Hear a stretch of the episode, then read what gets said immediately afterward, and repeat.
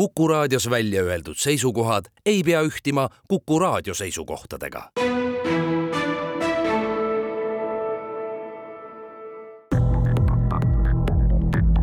krimiraadio, Krimiraadio tere päevast, alanud on Krimiraadio uue hooaja esimene saade. uuel hooajal teeme Krimiraadiot natuke teisiti saatejuhtidele Raul Rannele ja Karel Reisenbukile on eksperdina abiks endine pikaaegne politseinik, poliitik ja kirjamees Andres Anvelt, kes täna tegutseb ja jagab oma kogemusi eraettevõtjana. nii, Andres, kas äh, vaim on valmis, et hooaja, läbi hooaja meiega keerulisi teemasid lahata? ja kõigepealt tere kõigile. tänud sulle, Raul, tänud sulle, Karel, et kutsusite. vaim on kindlasti valmis. ma arvan, see pole mul esimene raadiosaade, mida ma olen teinud ka näiteks telesaateid on tehtud, nii et ma arvan, et olen nõu ja jõuga abiks ja endal ka põnev me saate esimeseks külaliseks tuli otsepuhkuselt äh, Põhja prefektuuri narko- ja organiseeritud kuritegude talituse juht Rait Pikaru. tänases Krimiraadios räägime noortest ja narkootikumidest. tere tulemast Krimiraadiosse. tere, aitäh kutsumast. no ka tänavu paraku on olnud ikkagi juhtumeid, kus äh, narkootikumide liigpruukimine on lõppenud äh, noore inimese surmaga. ühtepidi see nagu hetkeks vapustab ühiskonda ja siis kuidagi ununeb, aga tegelikult on ju teema palju sügavam, sellega kaasnevad ikkagi rasked terviseprobleemid, sellega kaasnevad kuriteod. Need tekitavad sotsiaalseid ummikseise. ühesõnaga on piisavalt äh, põhjust, et äh, sellel teemal täna rääkida. tänavu juulikuus suri Beach Grandi festivali alalt eh, noh, ilmsete joobetunnustega arestimajja toibuma toimetatud kahekümne aastane noor inimene. kas nüüd, paar kuud hiljem eh, saame me öelda, et mis sai selle traagilise juhtumi puhul tegelikult saatuslikuks? saame jah, enamus detaile, ma arvan, et on juba selgeks tehtud, et loomulikult sellised juhtumid torkavad silma, tekitavad väga palju ängi ja muret ja, ja loomulikult ka see meie äh, meie uurimine peab siis vastused andma ja praeguseks nii palju saame küll juba välja öelda, et äh, surma põhjuseks oli üledoos, uimastavate ainete üledoos ja ja vaatamata tõesti sellele, et äh, noore inimese terviseseisundit olid, olid meditsiinieksperdid hinnanud, vaatamata sellele, et teda teda seal arestimajas äh, vastavalt nõuetele või vastavalt meie sisesele regulatsioonile pidevalt kontrolliti, siiski äh, saabus see surm, et et loomulikult on see sissevaatamise koht, järeldus, järelduste tegemise koht, aga, aga, aga noh, üks pool on see politsei pool ja teine pool on tõesti see, et millest juttu oli, et uimastite tarvitamine on ohtlik need mõjud on ettearvamatud, ootamatud ja individuaalsed ja tõesti, need surmad on tegelikult ainult jäämäe tipp, et see problemaatika on oluliselt laiem ja ja tõesti, inimlikult mõistan, miks inimesed ei taha sellega tegeleda, see on psühholoogiliselt raske ja lihtsam on mõelda, et see, see uimasti tarvitamine on selline mingisuguste nii-öelda siis inimeste või rahvastiku ääreala problemaatika ja ei puuduta tavainimest, aga paraku see nii ei ole. ma küsin, kas on ka teada,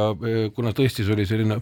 teistsugune juhtum natukene, mis draag või mis narkootikum see oli, kas oli midagi uut või midagi sellist, millele ei osanud reageerida? ei siin? olnud uut, et see oli nüüd siis MDMA ehk ekstasi mm -hmm. rahvakeeles, aga, aga jah, probleem oli selles pigem, ma arvan, et võib-olla ei olnud sellist äh, teadmist või oskust äh, arvestada, et see uimasti oli meie teada siis kristallsel kujul, mitte tableti kujul, mida ta tavaliselt on ja see kristalline kuju on veelgi mürgisem ja selle läbi ohtlikum, et, et, et on alust arvata, et ilmselt ikkagi see, see doseerimine ebaõnnestus täiesti katastrofaalselt ja ja, ja noh, ma ütlen üldisemalt rääkides, mitte nüüd sellest juhtumist, siis väga ohtlik on ka ju uimastite segatarvitamine ja ma ei pea silmas siin ainult ebaseaduslikku, ebaseaduslikku uimasteid, vaid ka alkoholiga paralleelne või koostarvitamine, et see, see tekitab vägagi ohtlikud olukorrad. ühesõnaga, ma saan aru, et see MDMA oli ikkagi siis ülipuhas, et seda ei osatud äh, siis äh, doseerida korralikult? ma ei kasutaks mitte mingil juhul sõna puhas, et ma kasutaks sõna ohtlik, mürgine, kõrge toimeainesisaldusega ja noh, paraku on see, et ikkagi kui kui inimene on, on üksinda tarvitanud, jällegi räägin üldistatult, siis kõik need viimased detailid jäävadki teadmata, sest mis nüüd täpselt toimus, kas inimene arvas, tarvitas, võttis esimese doosi, ei tundnud mõju, arvas, et, et, et võib kohe teise doosi juurde võtta, noh, ühesõnaga eksis selles või siis tõesti ühe korraga ei teadnud aine siis konsistentsi ja mürgisust, et noh, paraku neid kõiki vastuseid ilmselt ei ole, aga, aga noh, see lihtsalt kinnitabki seda, kui ohtlik tegevus on uimastite tarvitamine. miks ma seda küsin, on see, et on räägitud pikalt äh, kasvõi sellistel festivalidel võimalusest, et äh, tarvitajal oleks võimalik äh, kuskil telgis kontrollida, mis ainet ta siis tegelikult täpselt äh, tarbib, kas see on kas meie ühiskond on valmis selleks praegu, kas võiks olla mingi asi, mis aitaks selliseid traagilisi sündmuseid ära hoida? et jah, ma arvan, et tegelikult no meie põhiline, ma arvan, et ühiskondlik suund võiks olla ikkagi see, et, et uimastite tarvitamine ei ole okei okay tegevus, aga jah, ei ole mõtet pead liiva alla peita, teame, et inimesed teavad, teevad otsuseid tarvitada me tahame, et need otsused oleksid võimalikult teadlikud ja selle uimastite siis ohtlikkuse ja noh, ballastainete tuvastamise temaatika on täiesti üleval, et pigem on küsimus, et kuidas seda teha. mu teada ma..., vabandust, mu teada Lääne-Euroopas paljudel festivalidel see teenus on olemas, no lihtsalt just sellel mõttega, et et ei ole mõtet pead liiva alla peita, drooge tarvitatakse ja parem on, kui ei surra, ei surdaks, eks. siis juba kontrollitakse ja antakse võimalus kontrollida. jah, et see on narkopoliitika küsimus, et ma arvan, pigem on, on küsimus selles, et kuidas seda korraldada, et ma isiklikult pooldan seda, et me teeksime seda üldisemal tasemel, et me informeeriksime siis politsei valdusse sattunud ainete konsistentsist nii-öelda laiemas pildis inimesi, et no see vajab ka regulatsioonide, seaduste muut-, muutmist mõnevõrra, aga, aga noh, ma arvan, et see ei ole põhitakistus, aga no ma arvan, et siin on jällegi nagu selline põhimõtteline küsimus, et kuidas me nagu asjale läheneme, aga ma, ma näen mõningaid ohtusid ikkagi selles ka selle üksiku doosi testimises, see võib anda võlts, võltskindlust ja, ja tekitada samamoodi oht, ohuolukorda ja kui me räägime sellisest mitme uimasti samal ajal tarvitamisest, siis noh, see, see uimasti testimine ei maanda neid riske lõpuni ikkagi. ja teine asi kindlasti on see kahesuunane liiklus, et, et see inimene, kes on tarvitaja peaks usaldama ka siis seda, kuhu ta läheb seda kontrollimas, ma arvan, et kui ta seda ei usalda, siis ta ei tee seda ja siis ta satub täpselt samuti. aga ma tahtsin küsida, mis see praegu äh, näitaja üldse on, ma lihtsalt omast ajast mäletan, kui Eesti oli Eesti oli sisuliselt Euroopas tipus äh, üledooside surmade tõttu, oli siin alla kahesaja natukene, mis see praegu on, see number umbes? jah, me nüüd natukene jah liigume sellest noorte temaatikast eemale, et räägime siis nii-öelda siis juba sünteetilistest opioididest, mis on praegusel hetkel kõige suurem probleem, mis inimelusid võtab, et me olime mitme, mitu aastat tegelikult oluliselt paremas seisus, kui oli tõesti see, need kõige mustemad aastad, kus tõesti Eesti oli Euroopa ja maailma tipus üledoosi surmadest, aga aga jah, paraku eelmise aasta keskpaigast nüüd olukord halvenes järsult, et äh, ilmselt mitme asjaolu koosmõjul, aga, aga selline sünteetiliste opioidide, eelkõige nitaseenide rühma pealetulek ja turu, turu laiem levitamine andis nagu väga tugeva sellise musta efekti ja, ja negatiivse efekti ja, ja sellega praegu tegeleme, et me oleme ikkagi läinud nende üledoosi surmadest, kui me olime seal alla neljakümne surma aastas, siis eelmine aasta me olime juba kaheksakümne juures, ütlen peast, see aasta liigume umbes sama negatiivses tempos, aga aga ma julgen ikkagi, ma ei taha, taha nagu kuidagi et, et sündmustest ette rutata, aga, aga ma arvan, et meie mõju, meie tegevusel on juba mõju, et, et on lootust, et me siiski saame, suudame seda olukorda nii palju mõjutada, et saame üledoosi surmad jälle allapoole. Ma tulen noorte teema juurde tagasi, ma usun, et see nitaseenide ja, ja, ja see problemaatika tuleb kunagi jutuks meil mõnes järgmises saates, aga noortest rääkides, siis öelge, kas ähm, teile tundub sama, et tänapäeval noored eelistavadki mõnda noh, nii-öelda tabletti tavapärasele alkoholile, et peole minna? ma ei ütle, et alkoholi tarbimine on hea, aga noh, ütleme selline tendents, et pigem tablett või pigem mingi droog kui alkohol, et see on laialt levinud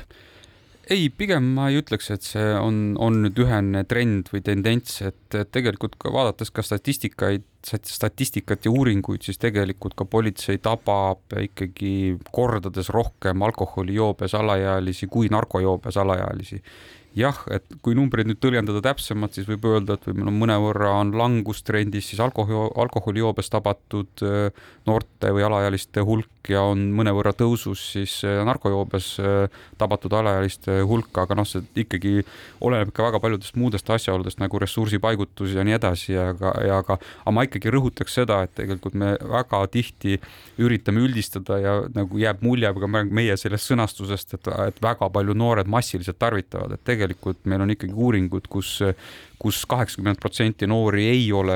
isegi kanepit tarvitanud, korra mitte, kui me räägime pidevatest tarvitajast, tarvitajatest, siis see jääb ühe-kahe protsendi juurde, et me, me räägime ikka väga suurest, suurest hulgast noortest, kes ei vaja peole minekul mitte ühtegi uimastit, ei legaalset ega, ega illegaalset, et tegelikult noh, ärme, ärme, kuulasin just välismaiseid eksperte, kes ütlesid, ärme, ärme tekita selliseid isetäituvaid ennustusi, et sõnastades, et iga noor niikuinii proovib ja on riskikäituja niimoodi niimoodi, et, et noh, noored võtavad sellest väga palju nagu kinni, et ärme suhtu selliselt ja noh, see, see on, see on see selline oluline nagu ma arvan, nagu mõtte mõttemaailma ja sõnastuse muutus, et, et kiidame neid noori, kes, kes ei tarvita, kes mõistavad ohte ja kes ei lähe sellele teele. ja teine väga oluline mõte, mis mul jäi samamoodi välismaiste ekspertide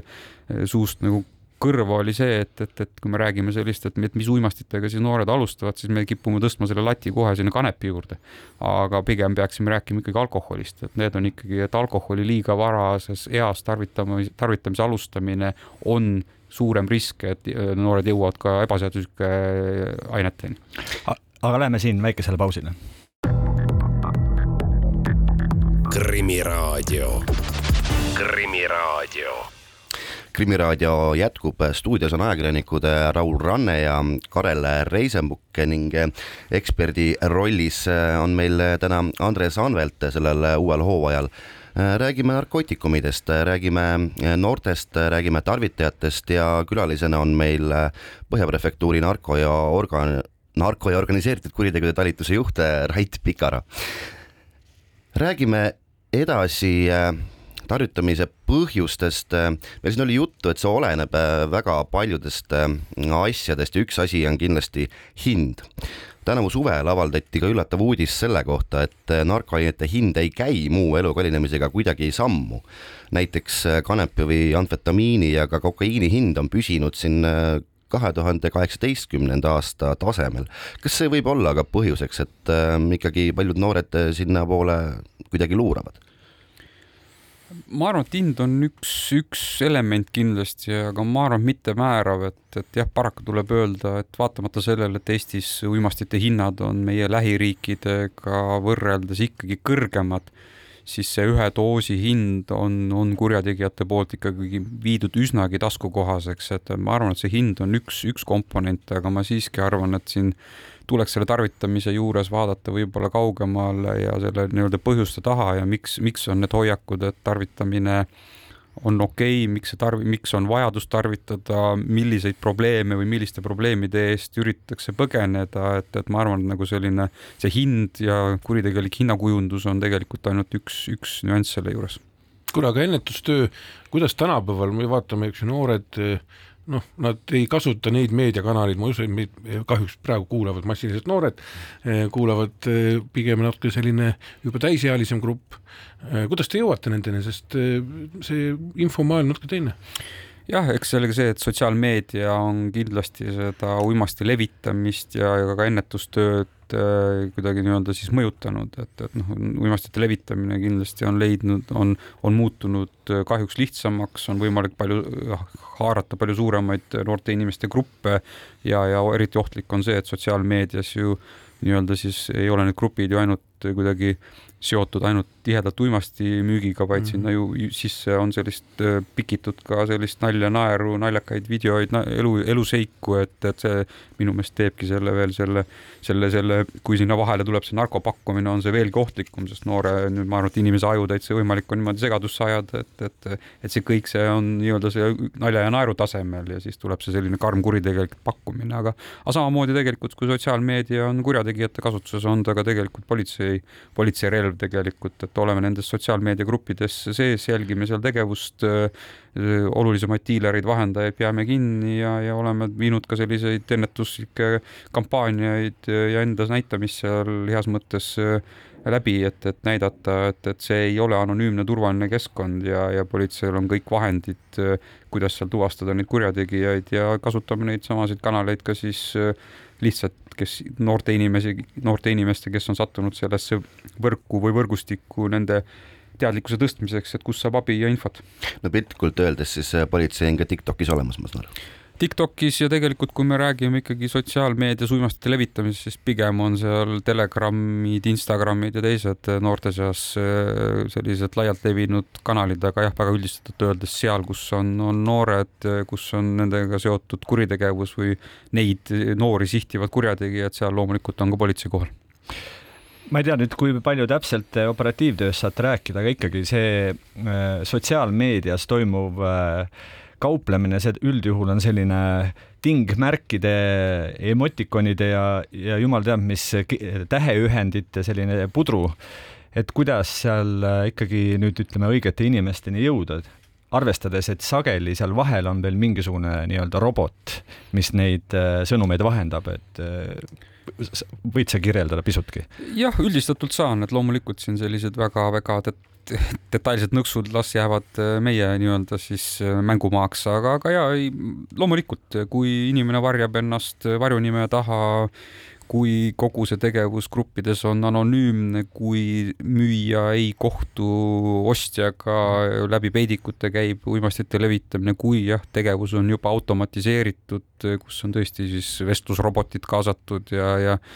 ja, ja noh, mis tegelikult te muudab selle tegevuse veelgi ohtlikumaks, sest noh, puudub igasugune võimalus sellel vahendajal või diileril veenduda selle ostja mingiski vanuses, et äkki ta ei oska hästi isegi kirjutada, aga ta oskab klikkida seal õigel lingil, et jah või ei või kogust, et et noh, see on eriti küüniline lähenemine, aga aga noh, tegelikult uimastid ikkagi liiguvad füüsilises maailmas ja ja need, kes seal neid kasvõi igasuguseid emotikone kasutades uimasteid müüvad, propageerivad, noh, need on ikkagi võimalik sealt välja sõeluda ja nii, nii me liigumegi, et saame teada kõigepealt selle, selle aliase, selle varjunime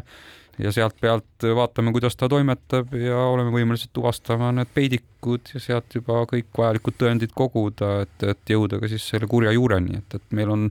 mitmeid kümneid noori viimase paari aasta jooksul, mitmeid sadu noori diiler või noor või noorte mürgitamisele spetsialiseerunud diilereid sotsiaalmeedias oleme tabanud, et selles ei ole mitte midagi võimatut. Rait, ma küsin sellise küsimuse, ehm, mida ma puutusin kokku ka veel olles siseminister ja kohtudes Ameerika kolleegidega DIA-st. See on ju niimoodi, et või lükka ümber, et tänapäeva eriti just see narko organiseeritud kuritegevus on niivõrd palju muutunud kümne-viieteist aasta jooksul, noh, Ameerikaski ütlesid, et kui nad on harjunud võitlema kartellidega, eks ju, mingid Mehhiko või Escobari tüüpi ja nii edasi, siis tänapäeval on see üks-kaks inimest Äh, natukene darkwebi ehk see, ütleme need klassikalised, ütleme inimallikaoperatsioonid ja kõik muud enam nii hästi ei toimi seal, et kas see Eestis näiteks seesama, millest me rääkisime just praegu,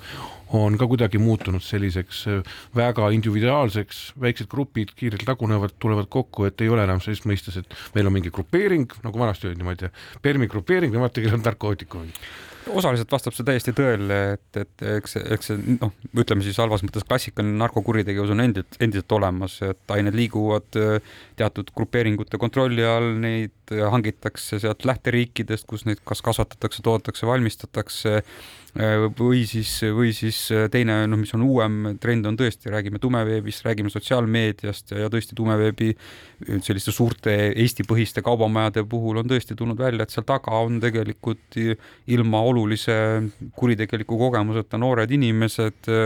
kes on tõesti võtnud, noh, kes on ise tarvitajad olnud ja siis nii-öelda nüüd oma hankimisliine kuidagi edasi arendanud, esialgu olles avaklient ja siis saades juba selliseks nii-öelda siis oluliseks vahemeheks ja tõesti on võimelised sadu kilosid äh, uimasteid äh, üle maailma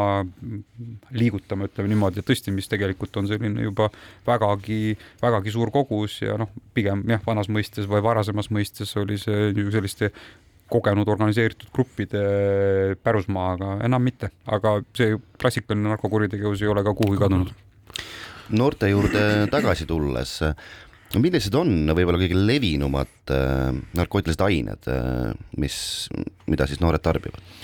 Ja esimene siiski, siiski kanep on, on kõige enam tarvitatud aine seal karjoovea uuringute järgi järgnevad äh, amfetamiin, kokaiin ja, ja loomulikult suureks probleemiks on ka niinimetatud retseptiravimitega äh, nii-öelda liigtarvitamine, on need uinutid, rahustid, et et ilma arsti ettekirjutuseta tarvitamine ja segatarvitamine noorte hulgas on, on problemaatiline. noh, hea, et me jõudsime retsa-, retseptiravimiteni öelge, kas on juba ka teada noh, mingisugused retseptivabrikud, mille kaudu siis neid äh, tablette hangitakse või, või noh, ütleme illegaalselt välja antud retseptide alusel või, või kuidas need ikkagi turule ilmuvad?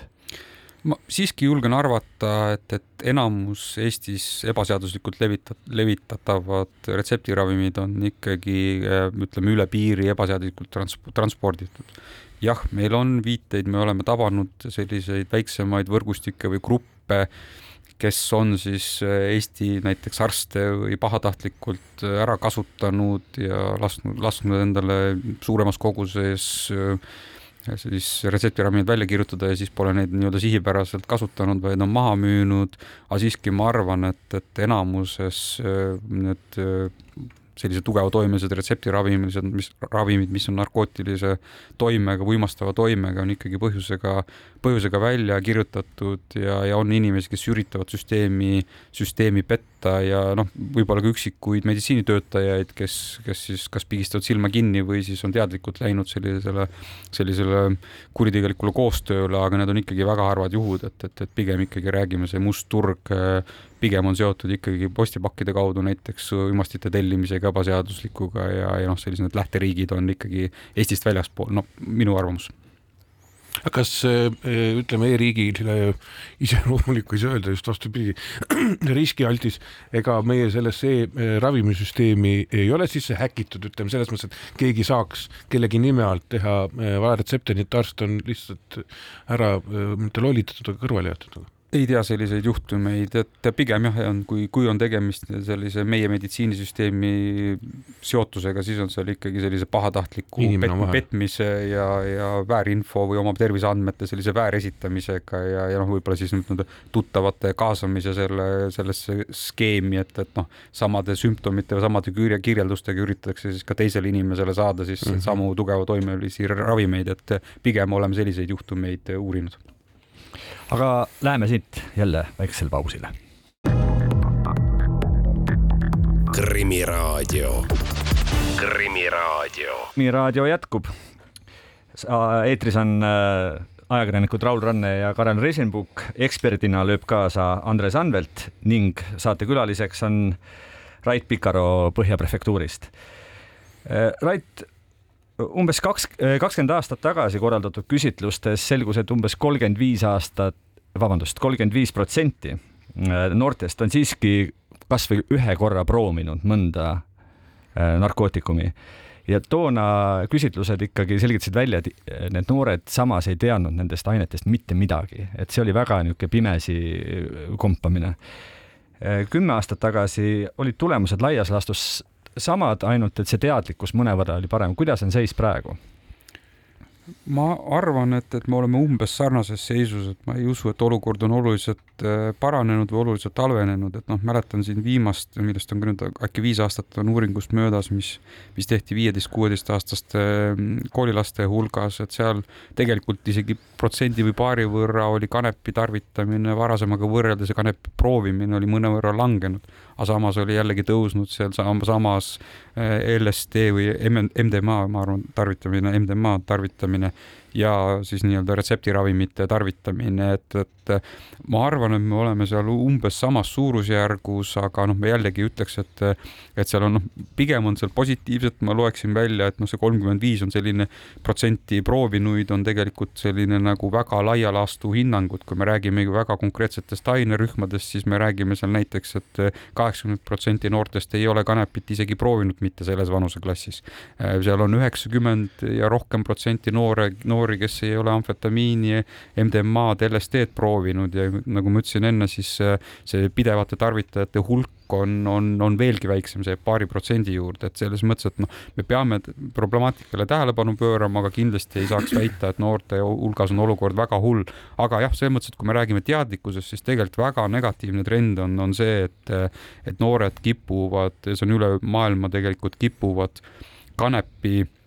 ohtusid äh, pigem pidevalt äh, väiksemaks hindama, et, et ütleme selles mõttes, et ja samal ajal tegelikult see kanepi toimeaine, see uimastav aine, THC sisaldus kanepis pidevalt on kurjategijate ja mõnedes riikides ka seaduslike ärimeeste poolt siis nii kõrgeks viidud, tegelikult see ohtlikkus kasvab, aga, aga ohuhinnang nagu langeb, et, et see on väga halb seis, et ma arvan, et siin selle, selle teadlikkuse osas meil on ikka väga-väga palju veel ära teha noorte hulgas. ma just sellest haakuvalt, üks asi on see, me teeme uuringuid, eks ju, me teame palju, noh, enam-vähem, kuidas on see noorte äh, narkokäitumine, et palju on tarvitatud ja nii edasi, aga kas äh, on üldse võimalik seda uurida või olete te mingid oma hinnangud teinud politseis näiteks äh, mis on lastevanemad, kui palju, palju lapsevanemad on teadlikud, et nende eh, lapsed kas tarbivad või mitte, miks ma seda küsin, seepärast oma tänases, ütleme igapäevatöös. Olen ma mitu korda kokku puutunud juhtumitega, kus ma tegelikult eh, olen pidanud eh, lastevanematele, eriti mis on lahus perekonnad, selgitama seda ja, ja kaasanud ka politseid, et teie laps tarvitab. Ma olen saanud seal kõrvalt informatsiooni ja vanemad ei usu, mis? Ei ole mitte kunagi tarvitanud mitte midagi, kuigi sa vaatad lapsele otsa, tal on silmad punased peas, aga ema ei usu. Või isa jah, ei, ma arvan, et see on tegelikult see ennetuslik lähenemine, no see peaks olema meie absoluutne fookus, et et, et siin jah, loomulikult peame aitama ka neid, kes on juba sinna võrku sattunud, aga, aga kui me räägime noorte teadlikkusest, siis samal ajal me peame rääkima kõigi nende inimeste teadlikkusest, kes noortega kokku puutuvad, et jah, siin on vanematel väga suur roll, siin on õpetajatel väga suur roll, et noh, seal, kus laps on kõige mm, -hmm. kõige pikemat aega viibib, siis see keskkond ja see, need hoiakud on vägagi olulised, et, et, et siin tulekski võtta need, ütleme, sellised teaduspõhised äh, lähenemised ja tegelikult peaks iga lapsevanema ja õpetaja selle teadmiste hulka kuuluma ka teadmine, teadmine ka uimastitest, uimati, uimasti ennetusest, et tegelikult siin noh, ja sellega on seotud väga palju müüte, et justkui noortele ei mõju keelud, siis no, ma jällegi olen lugenud teaduslikku põhjendust, et autoriteetse inimese, õige inimese keeld, uimasteid tarvitamine mõjub noortele tegelikult samamoodi, et et tegelikult siin ongi, tegelikult oleks vaja teada, mis on need mõjusad, mõjusad äh, viisid noori siis uimastitest eemal hoida, kuidas seda keskkonda kujundada, aga siin on kindlasti ka hästi oluline, et, et, et kes ei tegelikult ei taha minna seda, seda teadlikkust tõstma, noor, näiteks lapsevanem või õpetaja, siis, siis tegelikult see turvavõrk ongi hea suhe oma lapsega et noh, kui see probleem tekib, kui see, ma ei tea, tuleb see noorte seltskonda mingisuguse narkotemaatika tuleb sisse, et kas keegi teab kedagi, kus saab või keegi arvab, et võiks siis nii-öelda proovima, proovida, et siis mis siis laps selle teadmisega teeb, et kas ta on üksi selles ja hakkab seda peitma, varjama või siis ta räägib sellele oma usaldusväärsele täiskasvanule, kes iganes see on. Ja sealt peaks nüüd tegema järgnema siis selline adekvaatne reaktsioon ja, ja noh, mitte lapse siis nii-öelda karist-, karistamine või häbimärgistamine, vaid siis ongi, et on teada, kuhu pöörduda kellega rääkida, et mida sellises situatsioonis teha, sest me tahame ju sekkuda, mitte karistada. No, siin ongi seesama, lihtsalt väikse remargi korras, üks kaasus, millega ma kokku puutusin, oli see, et vanaema oli teadlik ja ta palus, et ma räägiksin emaga et emale seda selgeks teha, et ema peab hakkama ette võtma midagi, aga usaldusisik oli vanaema. ja ei, peaasi, et see pea, lap, igal lapsel peab olema see inimene ja ma arvan, et see on juba väga suur asi aga noh, seal ongi nüüd see, et kuidas me nii-öelda reageerime, et, et me peaksime ikkagi võtma selle abistava hoiaku ja, ja nii-öelda siis selgeks tegema, et millised on need õiged sekkumisviisid mm -hmm. ja ma arvan, et see natukene ongi nagu üle müstifitseeritud, et justkui seal ei anna midagi teha või, või on raske teha, et, et ma arvan, et väga oluline on juba, juba teavitada õigeid inimesi, pöörduda ekspertide poole, narko.ee, tarkvanem.ee, need kanalid on tegelikult olemas ja sealt saab põgusa sellise vaatlemise järel juba mingisuguseid suunda suun,, soovitusi ja loomulikult politsei alati olemas abistavas rollis. ma tuleksin äh, korra nende uuringute ja selle meie teadlikkuse juurde äh, tagasi, et kui, kui väga me saame ikkagi neid uuringuid tegelikult usaldada, sest äh, noh, näita mulle noort, kes vabatahtlikult kuskile kirjutab, et jah, et ma tarbin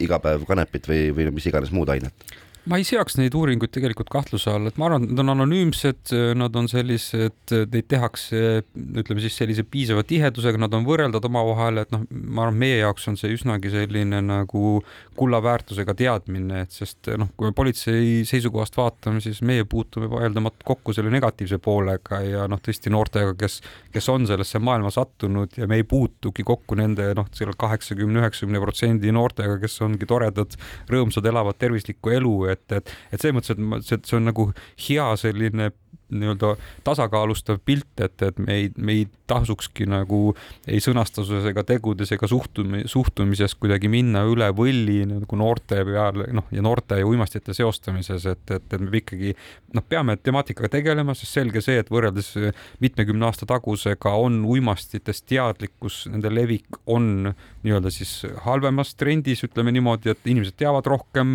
võib-olla see huvitab noori rohkem, nad räägivad sellest rohkem, seda on seal popkultuuris rohkem, et, et noh, vaieldamatult see olukord on, on muutunud, me peame sellele tähelepanu pöörama, aga ma arvan, et me ei saa minna üle võlli ja võtta sellist süüdistavat positsiooni või arvata, et noh, noorus ongi hukas, kindlasti ei ole hukas, et kõik on, ma ütleksin, väga hästi, aga me saame paremini, sest me tahame, ma arvan, et lõppeesmärk võiks olla, et uimasti tarvitamine ühiskonnas on noh, nii minimaalne kui vähegi võimalik ja me ei kaota ühtegi noort potentsiaalikat, andekat inimest sellele, et ta hakkab äh, katsetama, proovima ja jääb sellesse maailma veel hullem, hakkab lõpuks stiilima. me oleme rääkinud siin nüüd,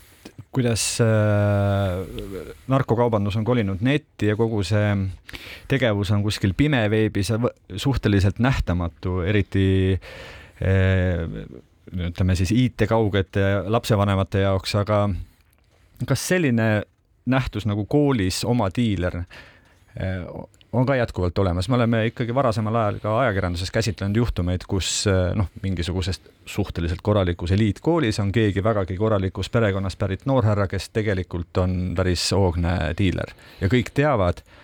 ja, ja siis võib-olla mõne aja pärast tuleb see kõik veel välja, et kas see on ka hetkel niisugune toimiv asi jah, jah, selle ma ikkagi liigitaksin selle klassikalise narkokuritegevuse juurde, et, et tõesti, et see tegelikult nii-öelda siis halvas mõttes siis noorte hulka imbumine on, on lihtsam ikkagi kurjategijate jaoks, kui seal on nii-öelda üks omade seast nii-öelda siis tehtud selleks muulaks või, või siis levitajaks, et jah, see on koolides äh, mitmeteski koolides olemas ja nüüd ongi küsimus, et noh, küsimus, kes teab. et see, et lapsed teavad, siis noh, ideaal on see, et ka õpetajad saaksid teada ja sealt tuleks juba info siis kas siis, kas siis ekspertidele, kes oskavad seda probleemi koolis sees lahendada või kui tõesti kuritegevus, kuritegeliku ilminguga on tegemist, siis juba, juba politseisse see info jõuaks, et et noh, me tahame kindlasti nagu sekkuda nendesse olukordades, aga aga ma arvan, et nagu see on selline ikkagi varjatud tegevus ja sellist nagu avalikku müümist vist ikkagi ei ole, et, et äh, ei too, ei koolides ega tänaval, et ma arvan, et see on tegelikult Eestis ikkagi, ma arvan, ikkagi nagu hea võrreldes mitmes, mitmetki teiste riikidega, et et aga noh, siin ongi jälle see, et ma olen nõus, et kui me vaatame nendesse juhtumitesse, kus me tabame neid viieteist kuni seitsmeteistaastaseid diilerid, keda me see aasta siin põhjapiirkonnas oleme kätte saanud, ütleme peast äkki oli kuus, et, et noh, see ei ole suur number, aga, aga aga ikkagi seal on, seal on need nagu murekohad olemas ja, ja kipume ikkagi tagantjärele vaat-, vaadates nendes neid asju uurides, kipume nagu aru saama tõesti, et, et see teadlikkus oli kuidagi nagu ikkagi laiem ja, ja seal võisid olla ka täiskasvanud, kes vähemalt kahtlustasid midagi, aga noh, siis ongi nüüd see otsustamise koht, et mida siis selle kahtluse korral teha. kas ma tean, mis ma sellega teen, et noh, kuidas, kas ma sekkun ise, kas ma kaasan kedagi ja vahel mitte alati on jäänud mulje, et me ikkagi kipume seda uimasti probleemi siis oma lähikonnas, oma koolis, oma, ma ei tea, kodupiirkonnas vähendama, ütleme, ah, noorte ühekordne selline mingisugune uljus või, või rumalus ja noh, me kipume problemaatikat vähendama selle asemel, et, et ikkagi seda infot siis jagada ja üritada sekkuda. huvitav, kui kiiresti või ma saaksin oletama, oletame, et ma olen koolinoor äh, mingisugusele ainele ligi see sõltub nüüd väga mitmest asjaolust, et ma arvan, kui sa oled no, noor tore inimene, kes uimastite vastu varem eh, ei ole huvi tundnud ja sinu seltskonnas ei ole see kurja juur sees, siis ma väidan, et uimasteid on väga raske hankida. Neid ei ole või ei ole sellist kohta Tallinnas minu teada, kust,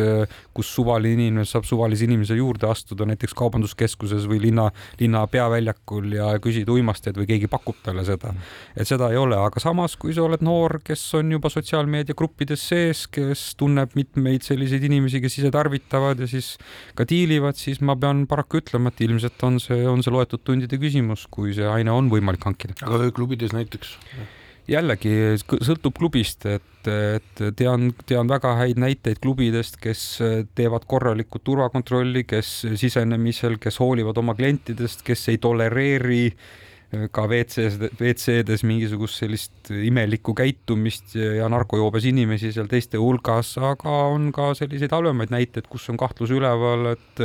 et selline uimasti tarvitamine justkui tahetakse tuua ka meie klubi kultuuri, et, et aga noh, selge see, et, et me teeme kõik endast oleneva ikkagi, et uimastid avalikus ruumis ei oleks nii-öelda tavapäraselt lubatud või kuidagi tolereeritud, et, et ma arvan, et see, see noh, meil on mitmeid näiteid, kus, kus uimasti tarvitamine ka, ka sellises klubi situatsioonis, peosituatsioonis äh, võib lõppeda väga halbade tagajärgedega, noh, koheselt või ka see, et kui iga inimene iga, iga nädalavahetus siis, siis pidudel tarvitab, siis lõpuks mõju saabub tema ellu ja noh, see elukvaliteet ja, ja tema, tema selline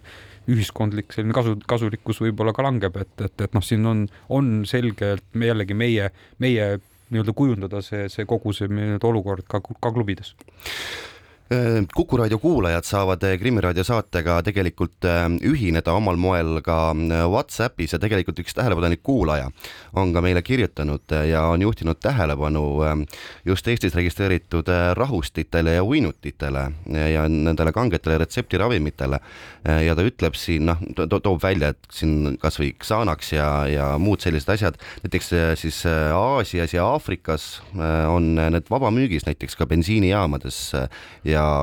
piiramatu koguse saad osta, et kas see on äh, ka mingisugune asi, mida on politsei näinud, et äh, tulevadki kuskilt Aasia maadest sellised retseptiravimid? No pigem me puutume kokku, ma arvan, et kui me räägime sellisest ülepiirilisest veost, siis me räägime, räägime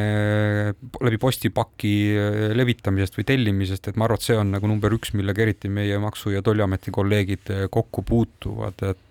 et jah, lähteriigid jah, teame ka Aasiast, et kus on sellised suured farmaatsia tööstused, et nad kipuvad olema jah, seal ütleme noh, ka sellise ebaseadusliku poole peal esirinnas, et et, et jah, see on ikkagi meie jaoks vägagi oluline temaatika ja, ja noh, siin alati taha, tahaks nagu rõhutada, et, et kui kellelgi on mingisugune mu, tervisemure, siis kõige õigem sellega on pöörduda ikkagi arsti poole. Ja kui arvatakse, et vajatakse mingisugust ravimit, ükskõik millist, siis see on jällegi nagu arsti nagu professionaalsust on sinna vaja, seda professionaalset pilti, et pilku sinna peale, et ei ole mõtet ise tellima hakata ja arvata, et näiteks tuttava sarnased sümptomid on, on siis noh, kui teda aitas mõni selline tugevatoimelisem ravim, et, et see kindlasti mõjub samamoodi ka sellele, sellele samale inimesele, et et kindlasti nagu siin, siin tuleks, tuleks ikkagi rõhutada seda, et arstid peaksid olema need, kes ravimeid soovitavad ja vaid selles mõttes muidugi siin tuleb ka juhtida tähelepanu, et, et kui sa juba tellid endale mingi ravimi kuskilt Aasiast või kolmandast riigist, see ei pruugi üldse see ravim olla, see on üldse mürk, sest no, alati on see õige politseinik, kui vaatab neid eh, Ameerika eh, politseifilme, kus eh, politseinik lükkab noa sinna narkopakki ja võtab, paneb selle keele alla, proovib, ütleb, see on kokaiin või heroiin, siis noh, tark politseinik juba käkkis, oli hoopis aga teeme siin väikese pausi jälle Krimiraadio. krimiraadio. krimiraadio on jätkumas stuudios ajakirjanikud äh, Raul Ranne, Karel Reisenbuk eksperdina, Andres Anvelt, nagu juba öeldud, sellel hooajal meil äh, kaasas käimas on ja Põhja prefektuurist äh, Rait Pikar. Rait Pikaru, me oleme rääkinud nüüd otse nii-öelda narkokaubandusest või narkoga kauplemisest ja tarvitamisest, aga sageli selle, selle kauplemise ja tarvitamise kõrval on kaasnevad kuriteod, et seal, kus kaubeldakse, seal on keegi, kes peidab enda juures, seal on keegi, kes jääb kellelegi võlgu, seal on siis kohe ka keegi, kes neid võlgu välja peksab nii-öelda ja on keegi, kes siis meeleheitel näiteks varastab äh, kas vanemate tagant või kauplustest, ühesõnaga seal on terve hulk äh, äh, kuritegusid, mis kaasnevad selle tegevusega, et kuivõrd see näiteks selliste noorte või kooli olukorras paika peab või kui palju te olete sellise asjaga kokku puutunud? Jah, tegelikult see on, nüüd ongi selline hea, hea liin, mida arutada selles mõttes, et, et miks noori peaks hoidma nendest uimastitest eemal, et me kipume võib-olla keskenduma tõesti sellisele tervisekahjudele ja sellistele otsestele mõjudele, aga tõesti, see, see uimastite maailma sattumine tegelikult toobki kaasa endagi väga palju selliseid teisi probleeme ja muresid, et muresid, üks on tõesti see sõltuvuse süvenemine, mis, mis võib kaasneda pideva tarvitamisega, aga tõesti see kuritegelik ahel tegelikult, kuidas uimastid kohale jõuavad, on väga pikk ja, ja tõesti seal üritatakse, me teame väga palju juhtumeid, kus noori nende teadmatusest ja võib-olla elukogenematusest äh, ära kasutatakse kuritegelikel eesmärkidel, et nad ise riskivad oma, oma tuleviku ja oma vabadusega ja noh, ja suurtes kogudes, kogustes ainete käitlemises siiski ja müümise eest ikka karistused on üsnagi karmid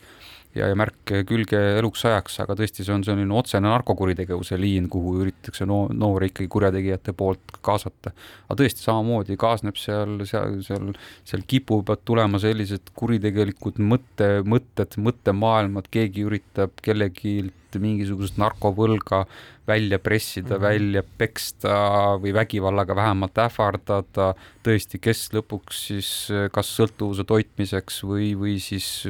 lihtsalt nii-öelda siis elustiilina hakkab, hakkab varastama. me räägime narkojoobes rooli istumisest, et, et kogu see selline noh, selline pakett on võib-olla vale sõna, aga kogu selline, kogu see kogumine tegelikult mõjutab noort inimest veel, veel ekstra ja ja tegelikult tõesti, kui me räägime sellest, et me tahame, et noored elaksid sellist täisväärtuslikku elu, siis see, see uimastite maailma nii-öelda sisseimemine, sissevajumine tegelikult võib kaasa tuua vägagi palju probleeme ja noh, eriti hull on olukord siis tõesti, kui noorel ei ole seda tugivõrgustikku kui ta isegi mõistab, et ta on sattunud sinna ummikusse, talt nõutakse rahasid, teda ähvardatakse mingite suuremate, vanemate pättidega ja sama juures, et selle juures tõesti ta võib-olla ise on midagi nagu nii-öelda halvasti teinud, valesti käitunud, et et noh, kas tal on kuhugi pöörduda, et, et, et noh, need olukorrad on tõesti väga-vägagi karmid ja tõesti õppeedukuse langused, kõik sellised nii-öelda noh, noh nii-öelda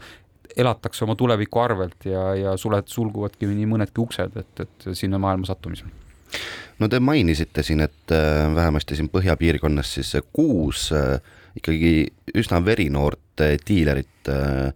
on kätte saadud. kuidas politsei selliste alaealiste diileritega üldse nagu toimetab või räägime ka siis võib-olla tarvitajast, et millised need karistused on või millise sellise nagu rolli politsei võtab, et kas politsei tahab äh, täie rauaga väänata või, või kuidas siis täpselt? kindlasti mitte, see karistamine ei ole üldsegi noorte puhul eesmärk, et, et jah, me tahame teada noortest tarvitajatest, sest nemad, nemad noh, meie jaoks on sellised hätta sattunud lapsed, et me tahame ikkagi teada, mis, mis on seal nende elus siis halvasti, miks nad sellele äh, sellele uimastite poole on pöördunud, miks nad sinna on suunatud, miks nad on selle omaks võtnud ja selge see, et me üritame siin nii-öelda sellist ka, ka teisi spetsialiste kaasates ikkagi seda olukorda parandada, et ka need diilerid tegelikult, kui vähegi on võimalik, siis me sekkume juba sellistel olukordadel, kui me lihtsalt nagu me kuuleme või saame teadlikuks, et see noor võib uimastitega seotud olla ja me ei lähe ta kinni pidama, me tahame temaga vestelda, me tahame öelda, et see ei, see ei ole okei okay tegevus ja noh, ei ole, ei ole vaja sellega jätkata. Need kuus on selline nagu ekstreemne ekstreemne, juba ekstreemsed näited, kus käideldakse suuremaid koguseid, kus see tegevus on selline süsteemne ja siis me sekkume karmilt, aga ikkagi noh, karistused on, on leebemad, et see kindlasti on selline pehmem lähenemine noortele. aga nende kuue puhul, kui sa saad öelda, saad kui ei saa, eh, olete te edasi ka jõudnud, ütleme selles mõttes, et üks asi on see koolidiiler, kuskilt töö peab saama. jah, loomulikult see on alati küsimus, et, et kus on see, see nii-öelda see kurja juur, et kes siis neid, seda, seda inimest nii-öelda siis suunab, kust need ained tulevad. noorte puhul pahatihti jäljed viivad sotsiaalmeediasse ja, ja seal on jällegi meil nii-öelda otsustamise koht, et kas me, kas me tunneme teame seda juba seda diilerit, seda, seda, seda nii-öelda siis varjunime ja, ja, ja me oleme nendest juhtumitest edasi jõudnud, mitte kõigist, aga alati otsime seda järgmist lüli, et see, see veelgi kõrgemalt see kuritegelik kahel ära lõigata. kas noored on koostööaltid? Enamasti on tegelikult, kui nad saavad aru olukorrast, siis äh, ma julgen öelda, et enamus räägivad ära kõik, mis neil on hinge peal ja ma arvan, et see nagu kuidagi selle olukorra lahendamisel ja nende siis nii-öelda sellise jällegi tervisliku elu juurde tagasitoomisel on väga oluline selline samm, et, et, et no ikkagi tehakse lõpparve selle maailmaga ja selliseid äh, korduvaid äh, noori diilereid tegelikult on ikkagi meie juures haruharva, et, et enamus noori saavad aru, võtavad selle teise võimaluse vastu, kes on tarvitamiselt tabatud, äh, lähevad sinna pu näiteks puhta tuleviku programmi, läbivad selle, tulevad sealt välja ilma ühegi negatiivse märketa oma, oma nii-öelda siis karistusregistris, et et väga paljud noored ikkagi teevad järelduse. nii et, et ütleme, puhtsüdamlik ülestunnistus ei pikenda karistusaega? ei, kindlasti kindlasti mitte ja noorte puhul eriti, et karistus on tegelikult täiesti, täiesti teisejärguline, et me tahame sekkuda esimesel võimalusel ja kindlasti ei, ei otsita seal sellist nii-öelda maksimaalset äh, karistust, vaid ikkagi seda, et inimene jälle nii noh, nimetame seda õigeks rajaks sinna tagasi suunata. ma olen kuulnud äh, jällegi Lääne-Euroopa juhtumeid või juhtumitest Lääne-Euroopas, kus keegi noor diiler kellel on siis taskus mingisugune juba arvestatav kogus aineid, mida ta on kuskil kontserdiplatsil või festivalil jaganud, on noh, ütleme mingil hetkel vastamisi politseinikuga. Ja siis seal meeleheites ja meeltesegaduses äh, selle asemel, et noh, et anda ennast siis politseile kätte suurema kogusega, äh, neelab alla siis need droogid ja juhtub siis mingisugune ränk üledoos ja võib-olla ka surm, et kas need on, need situatsioonid on teile tuttavad ja kuivõrd need üldse võib-olla paika peavad, et? raske välismaalt kommenteerida, Eestis mina selliseid juhtum, juhtumeid ise ei tea, et eh, jah, kindlasti on, on, on väiksemaid koguseid, kus, mida inimesed üritavad peita ja tõesti ka keha selleks kasutatakse. Ja see on eriti jah, ohtlik ja ka transportimisel näiteks neelatakse teadlikult aineid alla aga ma arvan, et, et tegelikult kui me räägime nüüd üledoosi surmadest, siis suur probleem on ikkagi, suurem probleem on ikkagi see, see abita jäämine, et kui see, kui see allaneelamine toimub näiteks politsei nähes, siis loomulikult kõik abi tagatakse, kiirabi tuleb ja see noh, enamasti on, on, on meditsiin võimeline need inimesed ära päästma, aga pigem kui me räägime surmavatest üledoosidest, siis need toimuvadki siis kuskil sellistes kohtades, kus kas kodus noh, hullemad versioonid avalikus tualetis suletud ukse taga, kus, kus keegi ei saa reageerida, et, et noh, ma arvan, et see on nüüd see teadlik tarvitamine on see suurem probleem, et noh, minu jaoks jääb see selliste natukene müüdi tasemele see, et politsei hirmus äh,. no karistuse hirmus pigem. no lihtsalt, kui äh, tuletan meelde lihtsalt oma ajast äh, kuulus Perli juhtum kes siis, eh, kui ta oma metsahonnikeses eh, amfetamiini keetis ja kui politsei seda ründas, siis ta proovis kõik selle amfetamiini ära surra, surra, enne kui arst jõudis, oli ta muidugi surnud, proovis mingit kilo alla neelata või midagi sellist. selle kurva mälestusega peame tänase saate lõpetama. eetris oli hooaja esimene Krimiraadio saadet juhtisid Karel Reisenbuk ja Raul Rannem, meil oli eksperdina abiks Andres Anvelt ja saatekülaliseks oli Rait Pikaro Põhja prefektuurist. aitäh kuulamist ja kohtume järgmisel nädalal. krimiraadio, Krimiraadio